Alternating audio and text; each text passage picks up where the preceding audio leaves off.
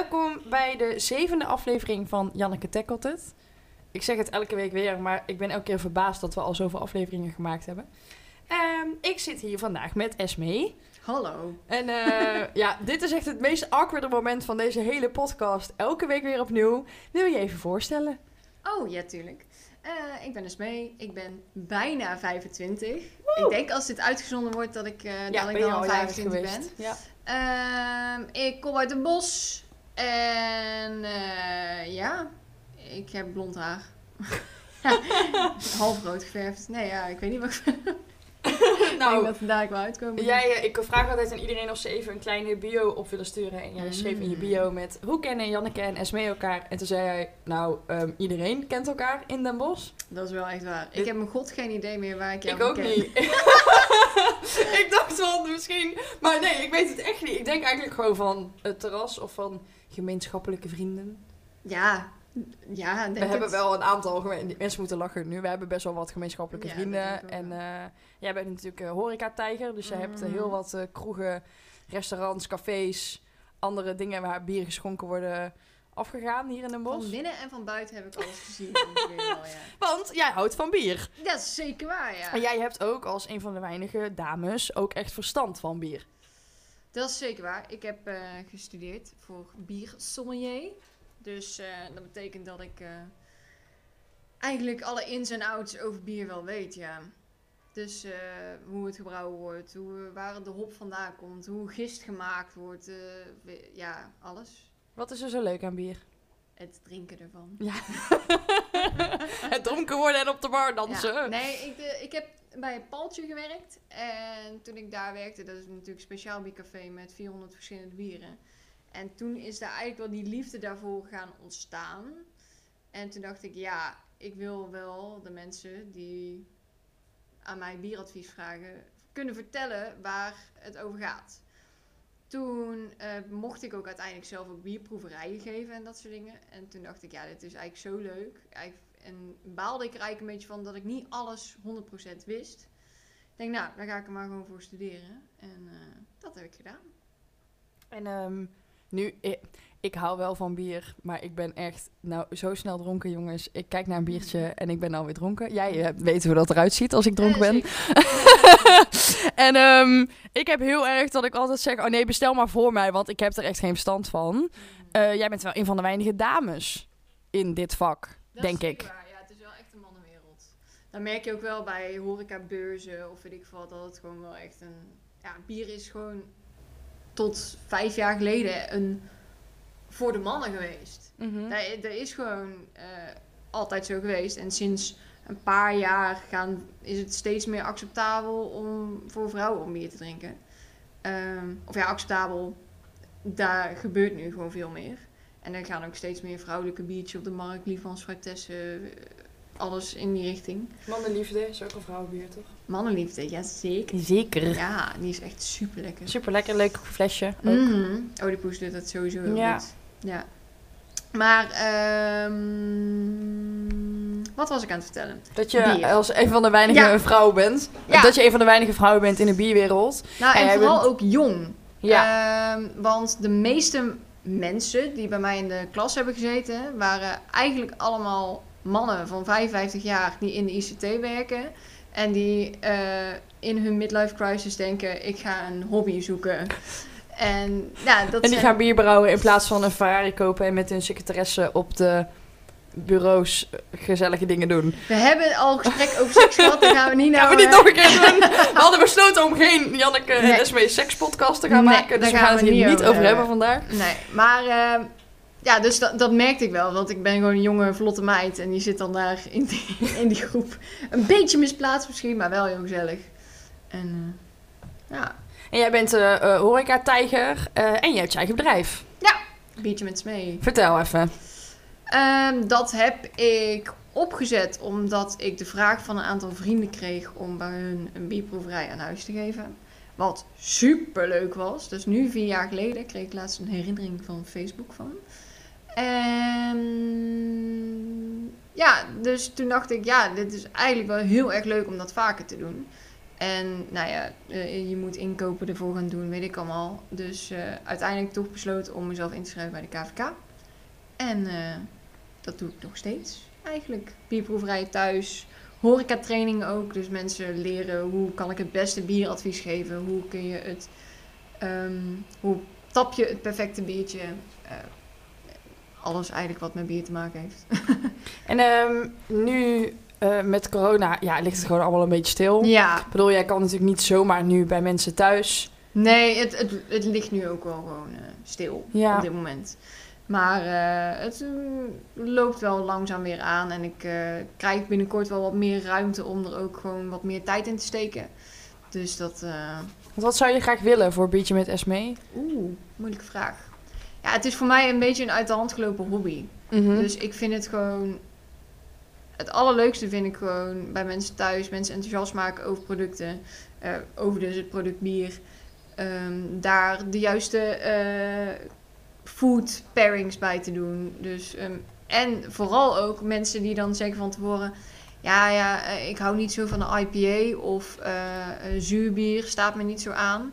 Om dan die stiekem er toch tussen te doen. En dan mensen toch te gaan leren drinken en eh, enthousiast te maken. En door bepaalde, inderdaad, food combinaties mensen andere dingen te laten ervaren. Dan dat je dus in de kroeg je eiwitje van de tap altijd neemt. Mhm. Om gewoon net even out of the box ook af en toe te kunnen denken. En mensen te verrassen daarmee. Dat vind ik het allerleukste. En dat hoop ik dus met Biertje met mee zoveel mogelijk te kunnen doen. En wil je misschien richting eh, een soort foodtruck-achtig met bier? Of heb jij meer zoiets van, oh, ik ga liever op mijn bakfiets met mijn biertjes? Dat is eh, echt super cool. ja, Mijn eerste bierproeverij heb ik ook echt zo met mijn postcode loterij fietsje. Krap voorop, krap achterop. Glazen in mijn tas ben ik zo naar Vught gefietst. Ja, dat was fantastisch. Ja, dat was super leuk. Ja. dus als mensen jou willen boeken, moet je even... www.biertjemetsmee.nl Wat een, een fantastische website is, overigens. Met hele mooie foto's. Jee, van mijn verkering. Ja, Onder andere ja. foto's heb ik gemaakt. Niet dat mensen nu gaan denken, Janneke is fotografe. Nee, ik vind dat gewoon leuk om te doen. Ja, En dat was het. Nee, ze zijn mooie foto's geworden. En eh, Linda, die eh, heeft een eigen bedrijf ook in eh, ja, on- grafisch ontwerp. En die heeft die hele website bedacht en gemaakt. En ook mijn visitekaartje en zo, die heeft helemaal een huisstijl bedacht. Dus dat is wel echt super Ja, tof. super tof. Ja. En vind je het lastig om te ondernemen? ja. Waar komt dat door? Ehm, het is eh, stiekem best een verantwoordelijkheid. En dat stukje vind ik heel erg moeilijk om daar mee, eh, mee bezig te blijven.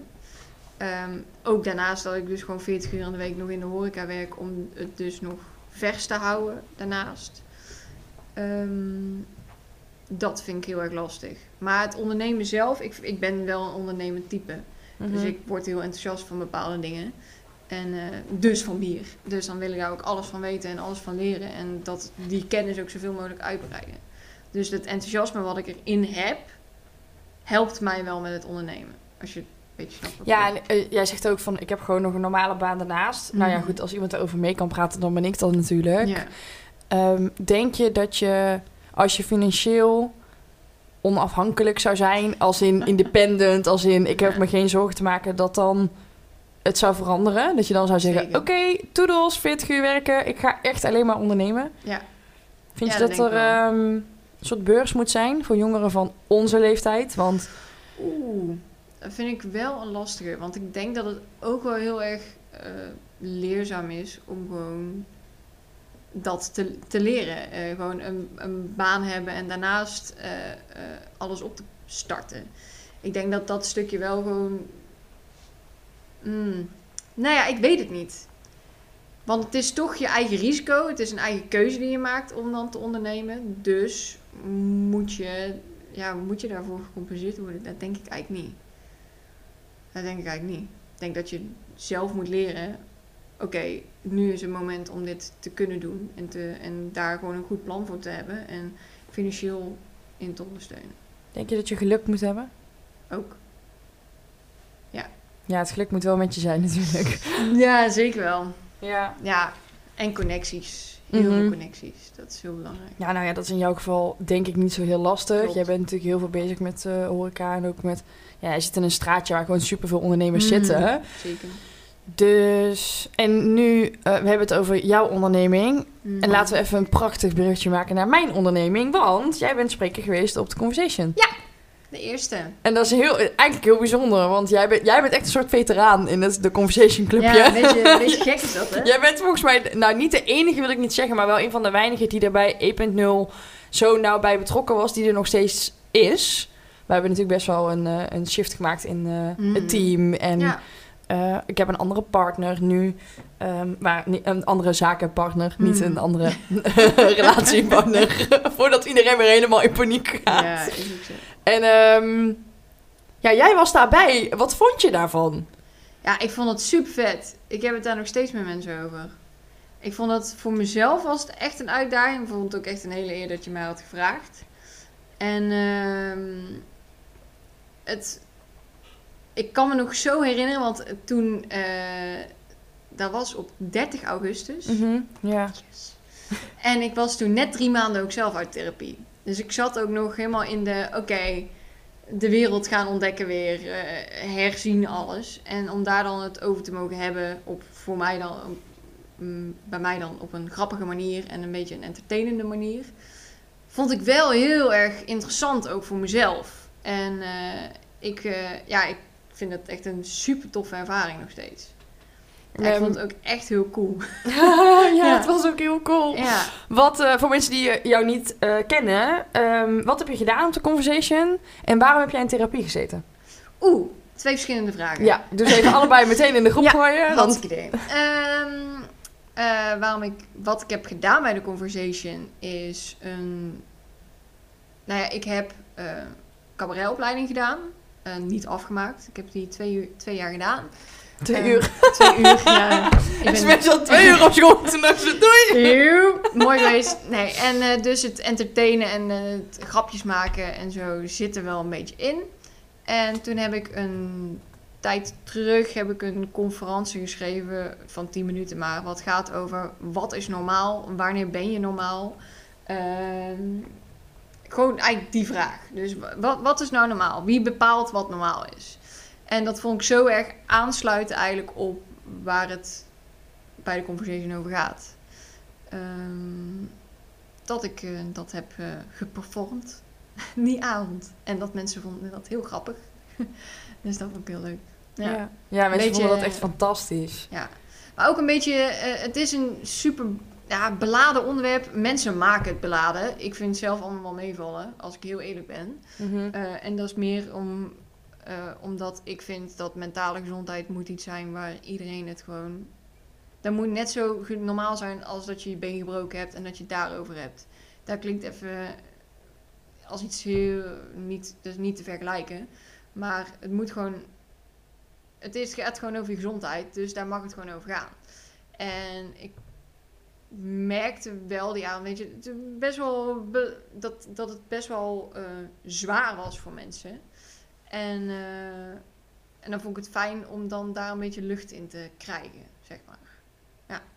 Ja. ja, dat deed je heel goed.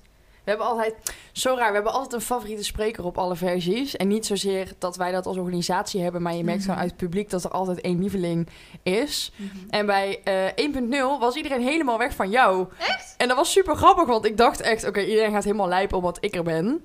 En iedereen had echt zoiets van, ja Jan, eh, ja, kut voor je, maar Esmee was echt heel grappig.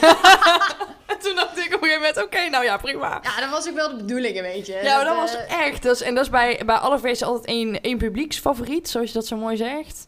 Ja, zo grappig. En ik weet ook wel dat jij was toen pas drie maanden uit therapie. Dus dat was voor Mm. jou ook wel de eerste keer dat mensen. Zeker in een bos, jij snapt dat. Wat ik bedoel. Dat je in een bos staat. Jij bent ook best wel een bekende kop. Ja. Ik ook. En opeens zit daar een zaal vol met mensen. Ehm 1.0 was zonder kaartverkoop. Dus we hadden geen idee wie er zou komen. klopt. Hoeveel mensen, hoe en wat. En opeens zat zo'n hele zaal vol ook wel met veel bekenden. En niet zozeer met vrienden, maar wel met bekenden van de terrassen. En ik vond dat veel enger dan. Dat was ook eng. Ja. Het, vooral omdat mensen mij eh, niet op die manier kennen. Eh, ik heb dat nooit. de mensen die ernaar vragen, eh, vertel ik er open over en maakt me allemaal niet zoveel uit. Maar ik, ik heb het daar niet publiekelijk echt over. En ehm, ja, dus dat was wel heel spannend, ja. Om dan te denken, oh, oh jij, normaal gesproken geef ik jou je biertje. En ja, dat was wel spannend, ja. Ja. ja. Heb je negatieve reacties gekregen? Nee, juist hele mooie reacties. Het, zelfs ook, eh, dat is me echt heel erg bijgebleven. Mijn moeder was samen met een vriendin van haar eh, naar de Conversation toen wezen kijken. En eh, die moest gewoon huilen. Die kwam daarna naar mij toe en die moest gewoon huilen. Die zei, oh Esme, ik heb helemaal niet, nooit meegekregen hoe, hoe het altijd met jou is gegaan en dat soort dingen. En die was daar helemaal, eh, en die was helemaal ook enthousiast over het feit dat ik dan dat zo open en luchtig en daar maar gewoon over vertelde. Ehm, dus dat is me heel erg bijgebleven. Dat zij ook echt, echt ontroerd was. Terwijl ik dacht, ik maak iets, probeer iets grappigs en iets luchtigs te maken. En dat vond ik heel bijzonder dat zij daar echt zo door ontroerd was. Ja. En voor de rest ook, eh, ja, dus superveel fijne reacties. Dat mensen het ook echt heel leuk vonden. Dus, Ja. En eh, ik vroeg Dave natuurlijk ook al, waarom heb jij in therapie gezeten? Ja, oké. Ehm, lang verhaal, een beetje. Het is... Nou, maak het niet te lang, want we zitten weer over 2,5 uur nog. niet dat ik dat erg vind, maar goed. Dan denken die luisteraars, poeh! Het is wel mooi geweest zo. ja, ehm, nee, ik heb in principe heb ik eh, altijd al sinds mijn 18 heb ik wel elke week, twee weken eh, gesprekken gehad. Uiteindelijk eh, omdat ik een dysteemstoornis heb. Daar kom ik ook niet vanaf. En dat houdt een beetje in dat je ehm, over het algemeen wat... ehm, hoe ga ik dat makkelijk zonder handen uitleggen? Dat is het vooral. Ehm, als je de normale... eh, iemand voelt zich normaal... En iemand kan zich blij voelen of depressief voelen. Mhm. Nou, en bij mij zit die lijn van het mijn normaal zit lager dan de normaal van andere mensen. Dat betekent dat bij mij eh, het meer moeite kost om geluk of blij te zijn. Eh, maar het kost minder moeite om dus naar de negatieve kant te gaan. Ehm, dat schommelt heel erg. Ehm, dus ik, bij mij is het eigenlijk standaard dat ik gewoon weet, oké, het valt wel allemaal wel wat meer mee dan dat het bij mij... Bij mij komen gewoon dingen wat harder aan. En daarnaast heb ik de ehm, diagnose borderline gekregen, waar ik mezelf niet per se 100% eh, mee of in kan vinden. Kun je even uitleggen wat borderline is, voor de mensen die dat Oh. niet weten? Borderline is een persoonlijkheidsstoornis waar je heel veel emotionele schommelingen hebt en daar ook naar handelt. Ehm, dus eh, heel impulsief, heel. eh, en dus dat gaat vaak ook wel ge- gepaard met een depressie, waardoor je dus eh, veel. heel emotioneel kan reageren op heel veel dingen. Ehm, ik, nogmaals, ik kan me er niet helemaal 100% in, mm, bij mezelf in vinden. Maar ik heb acht van de negen symptomen had ik. Dus Mhm. dan heb je het officieel. Eh, vaak gaat het ook wel gepaard met eh, ja, suïcidale gedachten. Die heb ik niet gehad, gelukkig. Dat is een van de symptomen waar bij mij eh, die ik dus niet had. Eh, maar ik heb dus uiteindelijk wel in een groep gezeten met eh, acht mensen. bij de Renier van Arkel hier. Dat was een therapie van negen maanden. Op maandag, dinsdag en donderdag zat ik in groepstherapie. Zo spittig Ja, hoor. dat was wel een pittige periode. En eh, dat waren allemaal mensen met dus een persoonlijkheidsstoornis slash borderline. Dus ik heb wel met mensen in een groep gezeten die wel suicidaal za- eh, waren. En dat was vooral heel pittig. Ik ben uiteindelijk na zes maanden al wel gestopt. Omdat ik dacht, omdat ook met goedkeuring natuurlijk van de therapeuten, dat het eigenlijk heel erg goed met me ging. En ik stond er ook heel erg open voor. Want het is voor heel veel mensen is het gewoon heel moeilijk om daar dan in een groep in één keer eh, je verhaal te doen. Nou ja, ik ben wel gewend om voor een groep te staan en met mensen te werken. Dus voor mij was die drempel niet zo eh, hoog. Dus kon ik dat eigenlijk wel vrij vlot aanpakken. En toen heb ik nog eh, een half jaar in een beetje een soort van nazorg gezeten. Dus elke week wel even een gesprekje. En dat is nu 3,5 jaar geleden. Ja, en ik zit nu sinds vier maanden of zo. Doe ik wel weer één keer in de maand een basis GGZ gesprek. Omdat ik denk, oké, ik moet iets meer mijn beide benen weer op de grond krijgen. Sommige dingen gingen net even iets te veel aan me voorbij. En dat vind ik ook nog steeds super fijn, omdat wel, dat dat gewoon kan. ja. Vooral. Ehm, maar ja, dus daarvoor ben ik gewoon drie, maanden, drie jaar uit de therapie geweest. Dus dat is wel echt super fijn. En dat is ook gewoon gelukt. Dus eh, ik denk, ik heb ook wel geaccepteerd dat ik altijd wel in therapie zal gaan zitten, denk ik. Mhm. Dus dat je altijd wel een coach of een iets nodig hebt om eh, iets of iemand nodig hebt om eh, een klein beetje kracht, basis dingen uit te halen. Vind je dat lastig? Dat ik Dat je weet dat je eigenlijk altijd iemand nodig gaat hebben? nee. Dat is ook wel gezellig. Ja, en, en, en het kan ook altijd in, eh, in vriendschappen. Kan Mhm. er ook. Deze hoeft ook niet per se in een therapievorm te zijn. Ehm, maar dat, dat is gewoon heel moeilijk. Want mensen die... Ja, je vrienden zijn geen therapeuten en die hebben er niet voor gestudeerd. Dus ik vind het altijd, altijd ook wel fijn om er iemand bij te hebben die gewoon er verstand van heeft. En mij kan helpen met bepaalde methodes en handvaten en dergelijke. Maar ik vind het niet per se lastig om erover na te denken dat ik daar altijd wel mee bezig zou moeten blijven. Dat hoort gewoon bij mij. Dat is onderdeel van mij. Al mijn vrienden eh, weten het. Mijn verkering. eh, eh, ja, ik, ik zeg gewoon eerlijk, dit, dit ben ik. Ja. En eh, dit hoort gewoon bij mij. En eh, ja, als je daar niet mee kan omgaan, dan, dan denk ik niet dat ik dat we daar eh, dat zowel in vriendschappen als in mijn verkering, dan, dan, dan gaat dat gewoon niet. Dan moet je daarmee stoppen. Ben je veel mensen kwijtgeraakt? Ja, maar ik heb heel veel fijne mensen teruggekregen. Of heel veel. Ehm, de kwaliteit van mijn vriendschappen is zo erg vooruit gegaan in de afgelopen twee jaar. Ook omdat ik er zelf heb geleerd om daar eh, meer open voor te staan en ook ehm, daar actief in te investeren.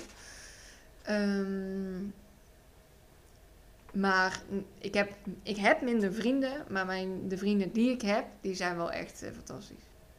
Die, die, die, daar, daar match ik gewoon 100% mee. Mhm. Ja, het lijkt me inderdaad moeilijk. Heb jij contact met mensen waarmee je in therapie hebt gezeten? Ja, zeker. Ja, dat zijn echt een van mijn beste vriendinnen nu. Ja. Ik heb een groepje met z'n vieren zijn we. En eh, ja, we hebben sindsdien, eh, sinds therapie, eh, we gaan vriendinnenweekenden weg. Toevallig aankomend weekend gaan we, gaan we weer een weekendje wat doen. Dus nee, nee, nee, die zie ik... we proberen elkaar minimaal één keer in de maand wel te zien. En we hebben ook gewoon via de app super veel contact. En als er iets... Dat is ook fijn. Want als iemand zich even eh, rot voelt, dan kan dat gewoon in die app. Mhm. En we kennen elkaars allerslechtste kanten, want die hebben we allemaal gezien. Dus het is heel fijn om een vriendschap te hebben waarbij je gewoon echt 100% niet hoeft te schamen voor als je een keer. Ik denk dat ik nog nooit. Ik denk dat ik vaker boos op hun ben geworden dan op wie dan ook. Mhm. Maar dat is niet omdat. Maar dat is omdat het bij hun kan. Omdat dat. Eh, dat ze of boos worden niet per se op hun, maar gewoon op dingen. Dat ik me gewoon echt even kan laten gaan. Dat is heel fijn om dat te hebben. Denk je dat, eh, dat een soort van soort zoekt soort is? Ik heb dat ook. Als ik nu kijk naar al mijn vrienden en mijn vriendinnen, iedereen heeft een rugzak. En dat vind ik niet erg, want ik weet dat ik zelf... Ik heb een soort kofferset hè, van 16 delen die allemaal... eh, ja, ik heb een hele caravan. eh, ja, zo'n dus, eh, hele camping hebben we hier Ja. aan problemen. Ja. Ehm, ik weet dat ik me daar heel fijn bij voel. ehm, ook omdat mensen het dan begrijpen. Maar ik kan me ook voorstellen dat als je problemen hebt... dat het ook wel eens lekker is als het er niet over gaat. Ja, zeker.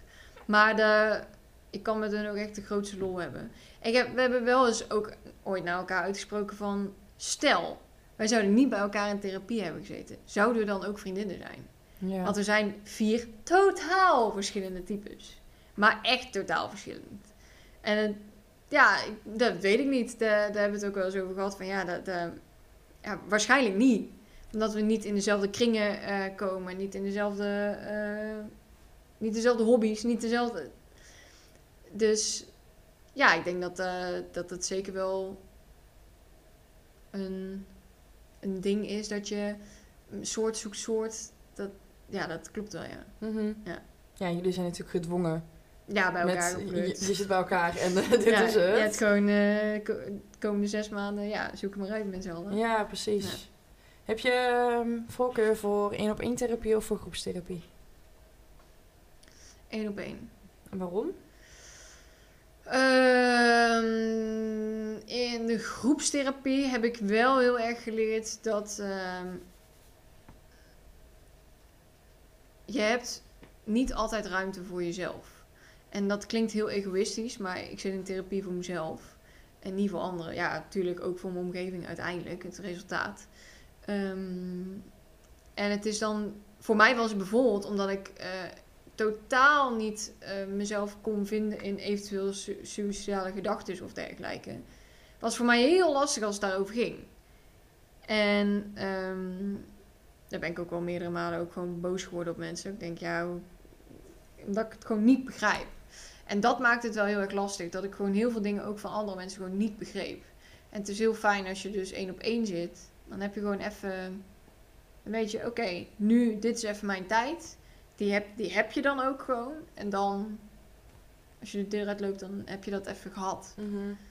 En in groepstherapie ben je gewoon ook wel altijd afhankelijk van anderen. En ehm, de een vindt zijn probleem erger dan de ander. En de, ja, jij zegt, ehm, ik kan me helemaal niet vinden in eh suicidaliteit. Nu Mm. hebben we natuurlijk eh Marijke gehad, die dat wel heeft. Mhm. Eh, ik wel. Nou ja, mm, zo heb ik nog een hele club mensen om me heen die dat wel en ook niet Ja. hebben. Ja. Ehm, het is grappig omdat jij, je wordt een soort van, nou niet boos, maar ik zie aan jou dat je denkt, Ja, dat doet mij wel wat. dat. Ja, En waar, komt waar komt dat door? Omdat Want- ik dus dat zo van fucking dichtbij heb meegemaakt in die Mhm. therapie. Daar heb ik ook wel gezegd toen ik wegging. Zei ik, ik weet niet of dit de juiste groep voor mij is geweest. Omdat daar heeft... Dat heeft nog steeds bij mij... eh, dat rakelt iets bij mij op. Waarvan ik denk, ja, ik kan, ik kan echt heel boos over worden. En dat is, dat is heel onterecht, want mensen hebben gewoon eigen gevoelens. Maar... ehm, en de, iedereen voelt wat hij moet voelen en kan voelen. En eh, dat vind ik ook helemaal, helemaal terecht. Maar eh, ik denk dat ik daar wel een... Nou, trauma wil ik het niet noemen. Maar ik heb al daar wel veel meegemaakt in die groep. Dat ik ook denk van ja, dit had ik niet per se allemaal willen weten. Of daar heb ik nog steeds een beetje last van, tussen Mhm. haakjes. Ja, jij zegt van iedereen heeft natuurlijk recht op zijn eigen gedachten. Dat is natuurlijk super waar en alleen maar heel Mhm. fijn dat de mensen waarmee jij in therapie zat ook in therapie zaten als je suicidale gedachten ja, hebt. Ehm, denk je dat je boos wordt omdat je het niet begrijpt? Of omdat het angst is om iemand kwijt te raken? Beide. Maar ehm, ook echt omdat ik het niet snap. Ik, ik, ik snap gewoon... Ik begrijp gewoon niet hoe, hoe je tot dat punt kan komen. Dat je zo... Zo... En ik vind het... Ja, dat begrijp ik gewoon niet. En ik wil het eigenlijk wel graag begrijpen. Maar ik wil het eigenlijk ook weer niet begrijpen, want dan ben ik bang dat ik het zelf krijg. Mhm, Ja. Snap je? Dus... eh begrijp, begrijp, begrijp. Ja, maar ehm daar. Dus eh, is het een gewoon, blijft het een ver van mijn bedshow en blijf ik me er aan, nou niet aan, nee. Want ik wil niet ehm, doen alsof het niks is. Zo wil ik het niet. Maar ik denk dat er zoveel betere en andere oplossingen zijn. Mhm.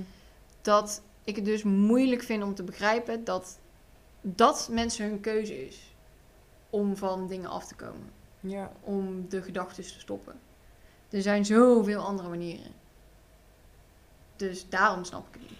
Denk je dat mensen die suicidaal zijn te laat zijn geholpen? En zelf te laat ook aan de bel getrokken. Ja. Dit, mijn volgende vraag was namelijk: ehm, hoe moeilijk is de stap maken naar therapie?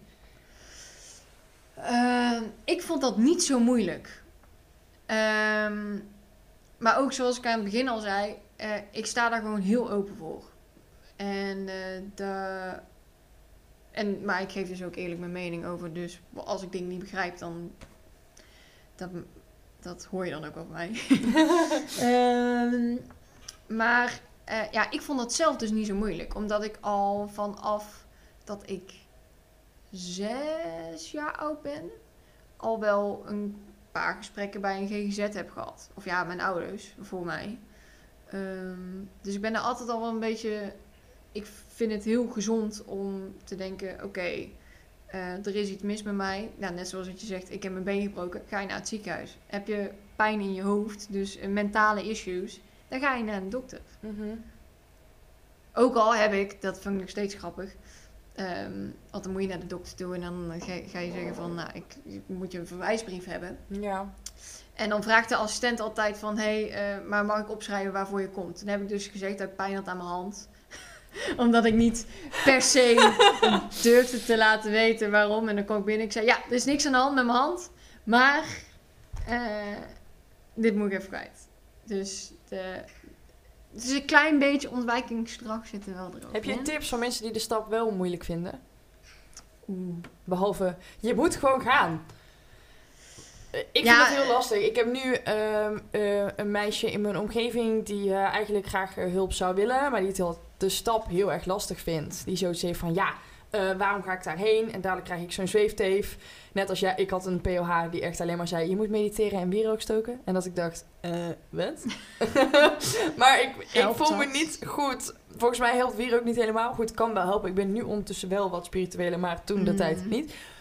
Ehm, zij zegt ook, ik vind het zo lastig om de stap te maken. Terwijl ik vind, zeker in het systeem wat wij hier in Nederland hebben... op het moment dat jij de stap maakt en je gaat naar de huisarts... kom je bij de POH terecht. Dat is de praktijkondersteuner van de huisarts. Mhm. En die gaat je uiteindelijk doorsturen naar een psycholoog. En dan pas begint de riedel. Mhm. En dan moet je nog eh, zes Even. maanden op de wachtlijst. Ja. Als je geluk hebt Ja. hier in Nederland, wat gewoon echt niet kan. Ja, jij kent ook het verhaal van dat meisje die eh, eh, met haar hond in Den Haag was gaan liggen voor de deur omdat de wachtlijsten zo lang waren. Echt? Nee, dat heb ik niet meegekregen. Ja, zo'n meisje die dacht, ik sta al zo lang op de wachtlijst, ik eh, zal het laten zien. Ik ga hier zitten en eh, kijk maar zo lang ik hier kan zitten, want zo lang sta ik dus al op de wachtlijst. Mhm. Ja, die stap maken is heel lastig. Nu, mijn vraag aan jou net was, heb je tips voor mensen die die stap niet durven te zetten? Ik denk dat je ehm, allereerst begint het eigenlijk al met gewoon op tijd aan de bel trekken, vind Mhm. ik zelf. Want dan, de, dat vind ik heel erg belangrijk, maar dat is niet per se antwoord op je vraag. Maar ehm, Wat versta je tips. onder aan de bel trekken? Eh, vertel het tegen je moeder, vertel het tegen een vriendin. Van, yo, ik zit hiermee. Pro- alsjeblieft, ga niet, ga niet allemaal voor jezelf houden. Want dat heb ik zelf gedaan en dat is echt niet leuk. Daar, daar word je echt niet gelukkig van. En ik ben nu juist super dankbaar voor al die vrienden die ik om me heen heb. Die echt wel, eh, ja, echt, waar ik echt door voor het vuur, door voor het, voor door het vuur ga. En zij ook voor mij. Maar, dus dat bedoel ik met op tijd aan de bel trekken. Dat betekent niet dat je meteen naar de huisarts moet, maar betekent vertel het iemand. Iemand om je heen. Dat is heel belangrijk. Dat is echt heel belangrijk. Ehm, daarnaast denk ik. Ja, nogmaals, wat ik op het begin ook al zei. Er zit een soort van taboe, een soort van nog steeds erop. En dat maakt het eng voor mensen. Want het is bijvoorbeeld dus ook om het aan mensen te vertellen van ik heb ergens last van. Ja, dus dat moet je gewoon kunnen zeggen. Dus het is een klein beetje wel gewoon doen. En het is ook wel een beetje. eh, ja, gooi je schaamteloosheid opzij. Want eh, je moet eh, de rest van je leven met jezelf rondlopen. Dus laat je dan alsjeblieft goed voor jezelf zorgen. En dat heeft dus zowel met lichamelijk als mentaal te maken. Ja, je hebt 100% gelijk hoor. Denk jij dat als er meer duidelijkheid ontstaat over hoe therapie eruit ziet, dat de drempel dan lager wordt? Als in, ik had echt geen idee Mhm. wat ik kon verwachten bij een psycholoog. Of bij groepstherapie, of bij Ja. paardentherapie, bij EMDR. Bij, nou, ik kan nog tien Mhm. dingen opnoemen. Ehm, ik heb dat soort dingen ook allemaal pas geleerd na mijn therapie Ja, omdat ik toen dacht, oké, ik wil niet meer aan de slag. Dus ik ga als een gek alle boeken lezen Ja. die er maar zijn. Eh, nu ga ik natuurlijk terug naar school om daar nog meer over te leren. Maar dat is eigenlijk niet normaal. Want ik ben straks klaar met school. Dan ben ik vijf jaar uit therapie. Ja, En hoop ik in ieder geval, hè. laten we dit Mm. even afkloppen, dat, het- dat het allemaal zo goed blijft gaan. Maar het is toch gek dat je als jongere zijnde, want ik was toen natuurlijk ook heel jong, dat je niet weet hoe therapie in elkaar steekt. Ja, het moet sowieso op scholen moet het gewoon eh, goed, eh, goede voorlichting in worden gegeven. Er wordt, eh, dat, dat is gewoon heel belangrijk. Ik denk dat dat zeker wel scheelt. Maar ik denk ook, omdat dat, dat het nu wel wat meer open ligt dan vijf jaar geleden. En dat eh, mensen toch wel wat meer ehm, een beeld hebben, al wel. Ook omdat meerdere mensen het aandurven of aangaan. Ehm, maar ik denk, denk zeker met voorlichting dat je een heel eind komt. Zou je dat zelf willen, willen en kunnen doen? Ja. Ja, dat, is ook wel, dat vind ik wel leuk. Ja. Ik vind het...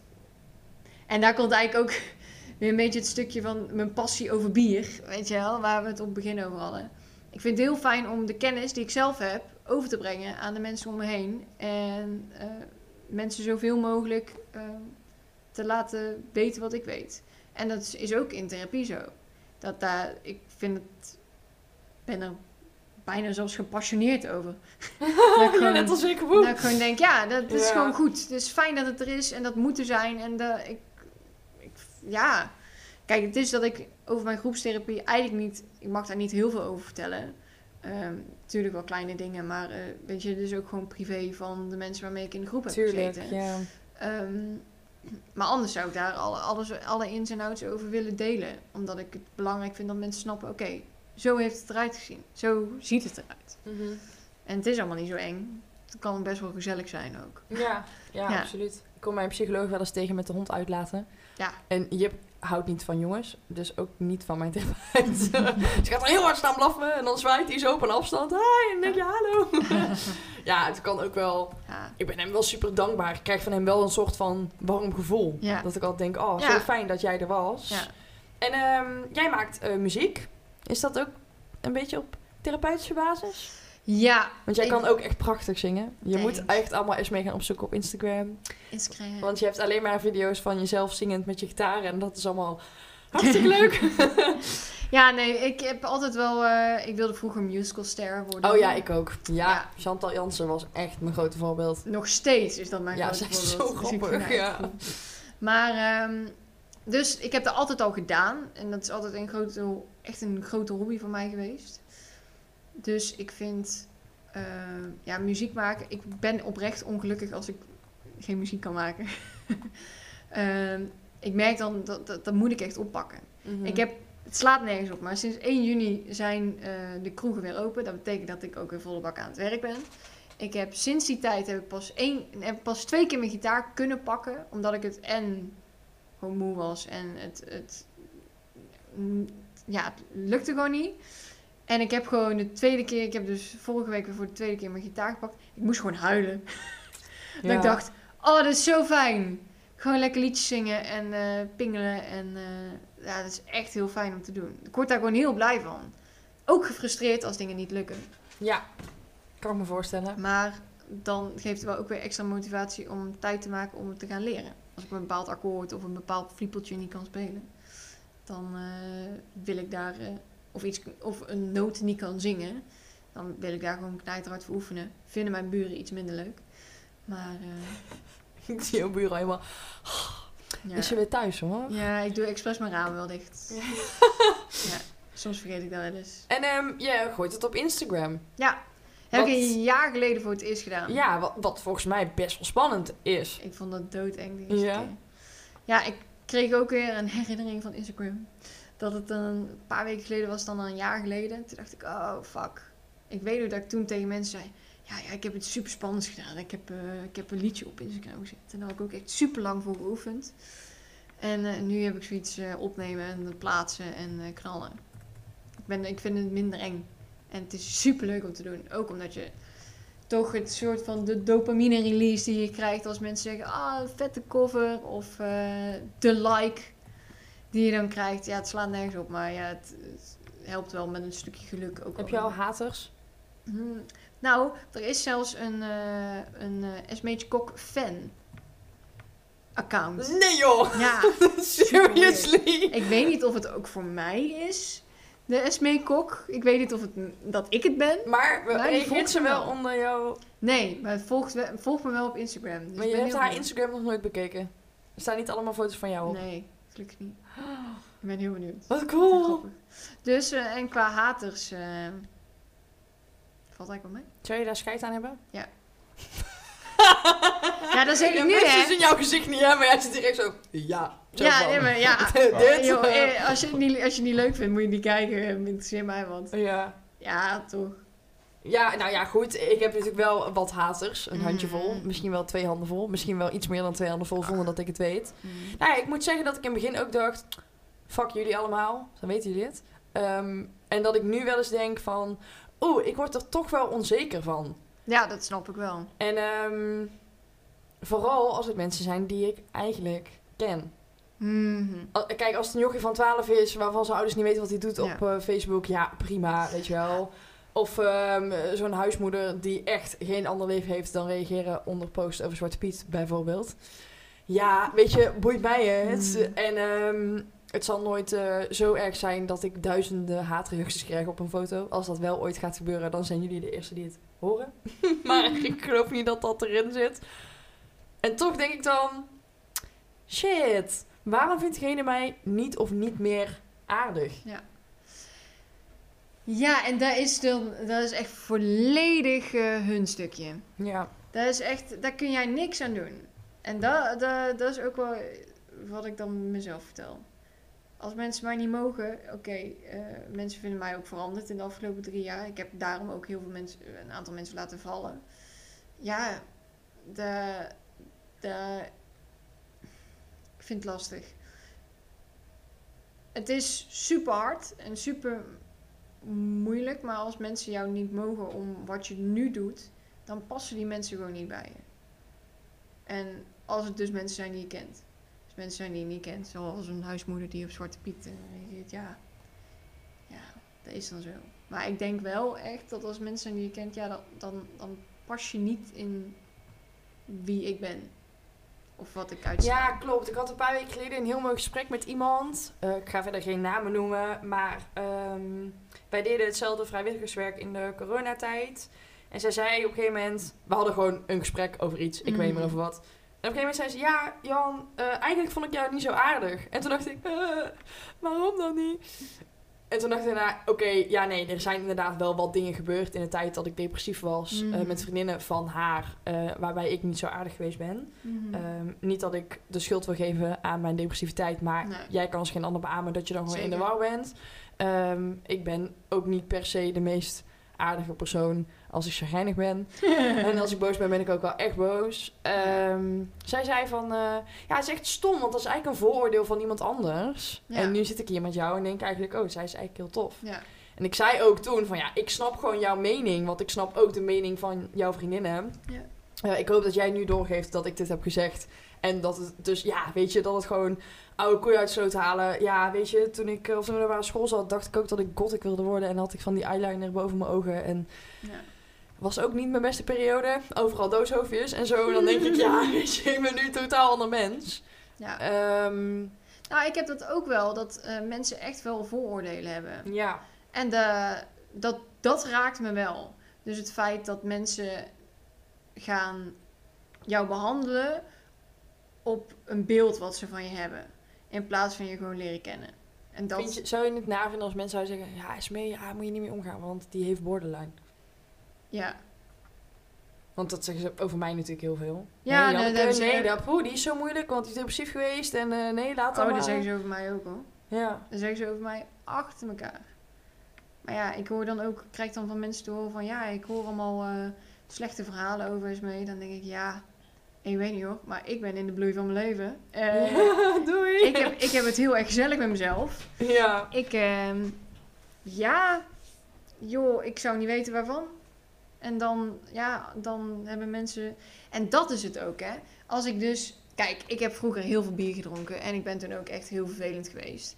En ehm daar is ook. eh, eh, eh, tegen mijn exen en dat soort dingen. Dat was ook in mijn periode dat ik gewoon echt helemaal alles kwijt was. Ehm, en dus ook naar therapie moest, van mezelf. Ehm, maar mensen nog steeds, als ze mij een biertje zien drinken in de kroeg, dan denken ze, oh, daar gaat ze weer. Oh, ja. ja. ik heb dit ook. En dan denk ik, ja, weet je, als ik twee keer in de week op het terras zit, laat maar lekker twee keer in de week op het terras zitten. Ik heb aankomende week vakantie. Ik denk dat ik godverdomme elke dag op het terras zit. Maar Ja. geen reet uit wat mensen denken. Bier! Ja. Bier, hartstikke idee. Ja, maar de, de, het gaat erom dat het toen niet de alcohol was, maar de, de borderline die sprak. Mhm. En mensen gaan dat dan eh, mengen. Ja. Ook. Maar dat, dat, soort dingen krijg ik nog steeds naar mijn hoofd. Terwijl het al nu zes jaar geleden is. Ja. Ja, joh, helemaal goed.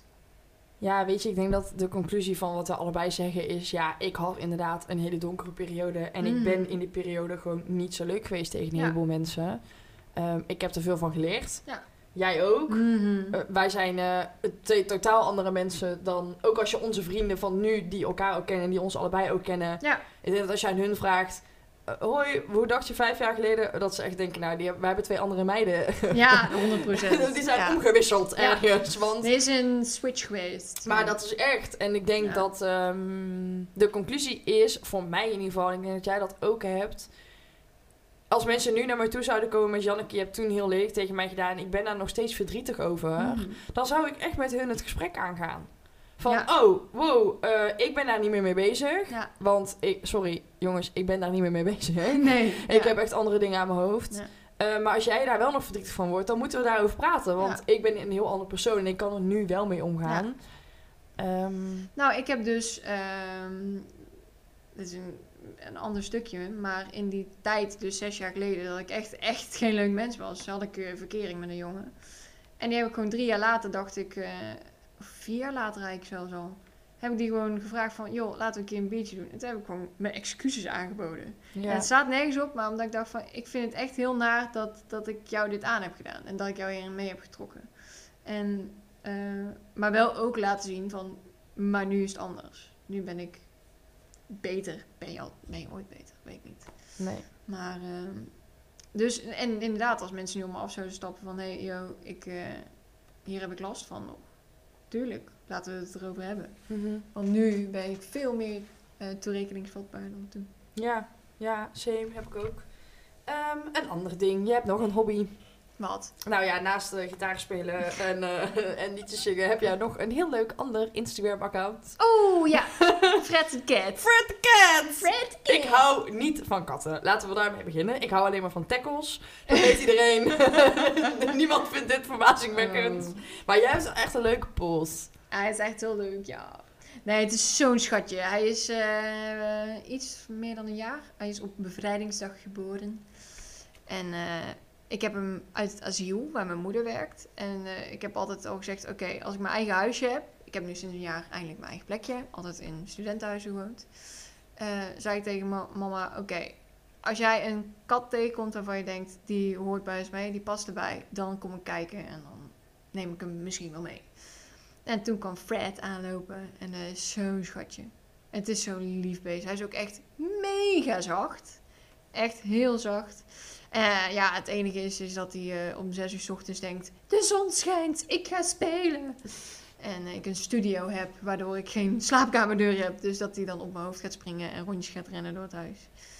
Daar word ik iets minder blij van, maar de rest van de dag vind ik hem wel leuk. Maar jij, maar jij maakt dus soort instructievideo's met... Ja, tijdens quarantaine heb ik, heb ik, eh, heb ik eh, pret met Fred gemaakt. Oh, zo grappig. Ja. Oh, hoe til je je kat op? Is kan op de... En die kat laat alles toe ook. Ja, die vindt het helemaal grandioos. Ja, ik heb wel het moment uitgekozen dat hij dan zo'n beetje duffig nog was. Ik dacht, oké, nu kan ik alles mee doen. Hij kan ook echt alles met hem doen. Maakt hem echt, echt geen reet uit. En hij is nog jong en speelt graag. En is super lief. Als ik thuis kom, doet hij... En doe ik mouw terug. Ik praat heel veel met mijn kat. Dat is wel echt een probleem. Nou ja, het is pas een probleem als de kat gaat terugpraten. Ja, Want is dan is er iets mis met je. Ja, Want katten kunnen namelijk waar. niet praten. Nee. Geen mensentaal. Nee. Nee, heb ik ook tegen Jip. Ja, nu is Jip er een paar dagen niet. Eh, mijn mama is op vakantie. Jip is bij mijn papa. Ehm, en ik moet op de hond van mama passen. Ja, het is echt een constructie waar je Wauw. u tegen zegt. Dus Jip is bij mijn vader al een paar dagen en ik moest gewoon werken en dingen doen. En, eh, maar vanmorgen werd ik wakker en ik had me helemaal ingesteld op ik moet dadelijk de hond uitlaten. Mhm. En dat hoefde dus niet. Dus ik stond echt zo in de woonkamer een soort van verloren. Ik heb nu een boterham gegeten, ik ben aangekleed, ik heb tanden gepoetst, make-upie op. eh, Ik Heel je klaar. ochtendroutine. Maar ik heb nog een half uur over. Hoe kan dit? Maar wat? Dat is zo helemaal error in mijn hoofd. Maar goed, gelukkig gaan we hem dadelijk ophalen. Oh, Dus dan is het allemaal fijn. prima. En we hadden het net over ehm, iets anders met video's. En toen zei ik, ik snap daar helemaal Oh, TikTok. geen drol van. en Ja. toen zei je, ja, ik ook niet, maar ik vind het wel leuk. Ja, leg me dit uit, Esmee. Ik snap niks van TikTok. Ik snap er ook geen reet van, maar het is wel leuk. Dit is echt... oh, ik denk dat dit gewoon een generatiekloof is. Ja. Wat echt pijn doet om dat te Ja. zeggen. Want wij zijn nog hartstikke jong. Ik kijk alleen maar die filmpjes dat mensen Martien Meiland nadoen. Dat is grappig. Dat vind ik Nou, grappig. ik vind eh, het hoe makkelijk het is om gewoon iets te plaatsen. En eh, ik vind, wat ik eigenlijk altijd doe op TikTok is eh, scrollen, een beetje, een beetje filmpjes kijken. En als ik dan de, ehm, de audio heel erg cool vind, dan ga ik daar mee aan de slag. En dat is ook goed voor mijn creatieve brein. Ik vind het leuk om te doen. Maakt me geen reet uit dat er niemand kijkt. Maar eh, Heb je geen fans op TikTok? nee, Nee. ik heb 30 volgers. Nou, dat is best veel. Ja, Voor iemand die TikTok eigenlijk niet begrijpt. nee. nee, ik snap er geen reet van. Maar ehm, ja, nee, ik snap, het, ik snap het gewoon ook echt niet. Ik snap niet hoe je views moet krijgen. Hoe je, eh, de ene doet eh, een dansje in zijn onderbroek en die krijgt weet ik veel hoeveel views. En de andere die eh, maakt een fucking mooie muurschildering en die krijgt twee views. Ja, echt geen idee. Maar het is wel lachen. Ik, ja, ik weet niet. Het is snel, het is... ja, het is wel echt van nu. Mhm. Maar eigenlijk vind ik het heel dom. Want als ik andere mensen zie die... Oh ja, verschrikkelijk. Oh, dan denk ik echt... Ga, ga, weg. Doe, Ja. doe dit niet Ik in ga mijn... iets doen met je leven. Ja. Maar vervolgens sta ik zelf thuis in mijn woonkamer. Ja, het is echt verschrikkelijk. Ja. En dan denk ik ook, SB, waar ben je nou weer mee bezig? Maar ja, ziet Zou jij ehm, willen influencen? Ja. Zou ik wel leuk vinden. En hoe, hoe moeten we dat dan zien?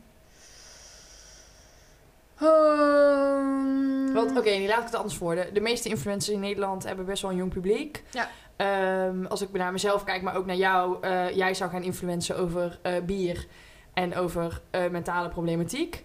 Nou, mijn volgers nou, zijn wel jong, maar niet Ja. extreem jong. Ik heb ook niet heel veel... Nou goed, ik heb een flink aantal volgers. Ho even. Mhm. Ik heb duizend volgers op Instagram, wat ik echt heel erg veel vind. Maar ja goed, dan kijk ik naar Monica Geus en dan denk ik... Nou Jan, je kan ook even doorsparen. Ja. Ehm, maar de influencers hier in Nederland zijn wel groot gemaakt door een heel jong publiek. Ja.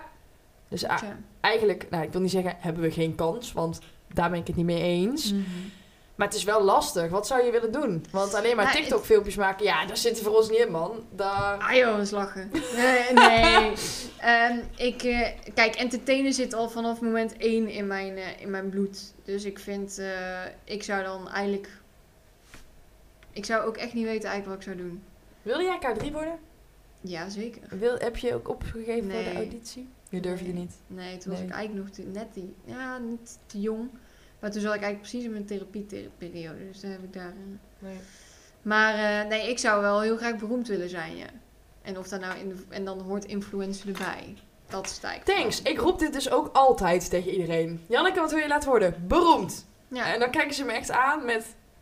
Wat? ja.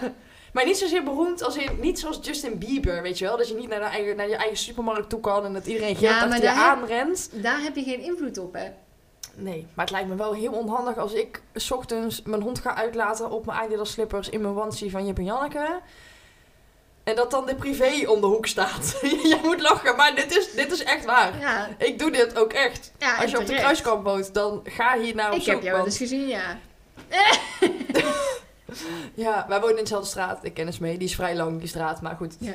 Je ziet mij wel eens lopen met de doggo. Ja. Maar snap je, dan lijkt het me onhandig als de privé daar staat... en dat er dan heel groot op de, store, op de cover van dat tijdschrift staat... met Janneke Zwanenberg, laat de hond uit. En is weer depressief, omdat ik eruit zie als een zwerver. Ja, ja.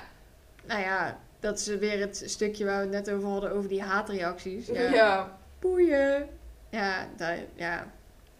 Dat denk ik nu, hè. Dat denk ik nu. Want ik ben helemaal niet beroemd. Maakt me helemaal geen reet uit.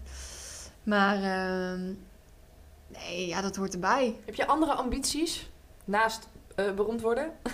Ehm, nou, ik wil gewoon heel graag gaan... Ja, ik wil gewoon heel graag nog een album maken met liedjes. Dat staat echt al zo lang op mijn bucketlist.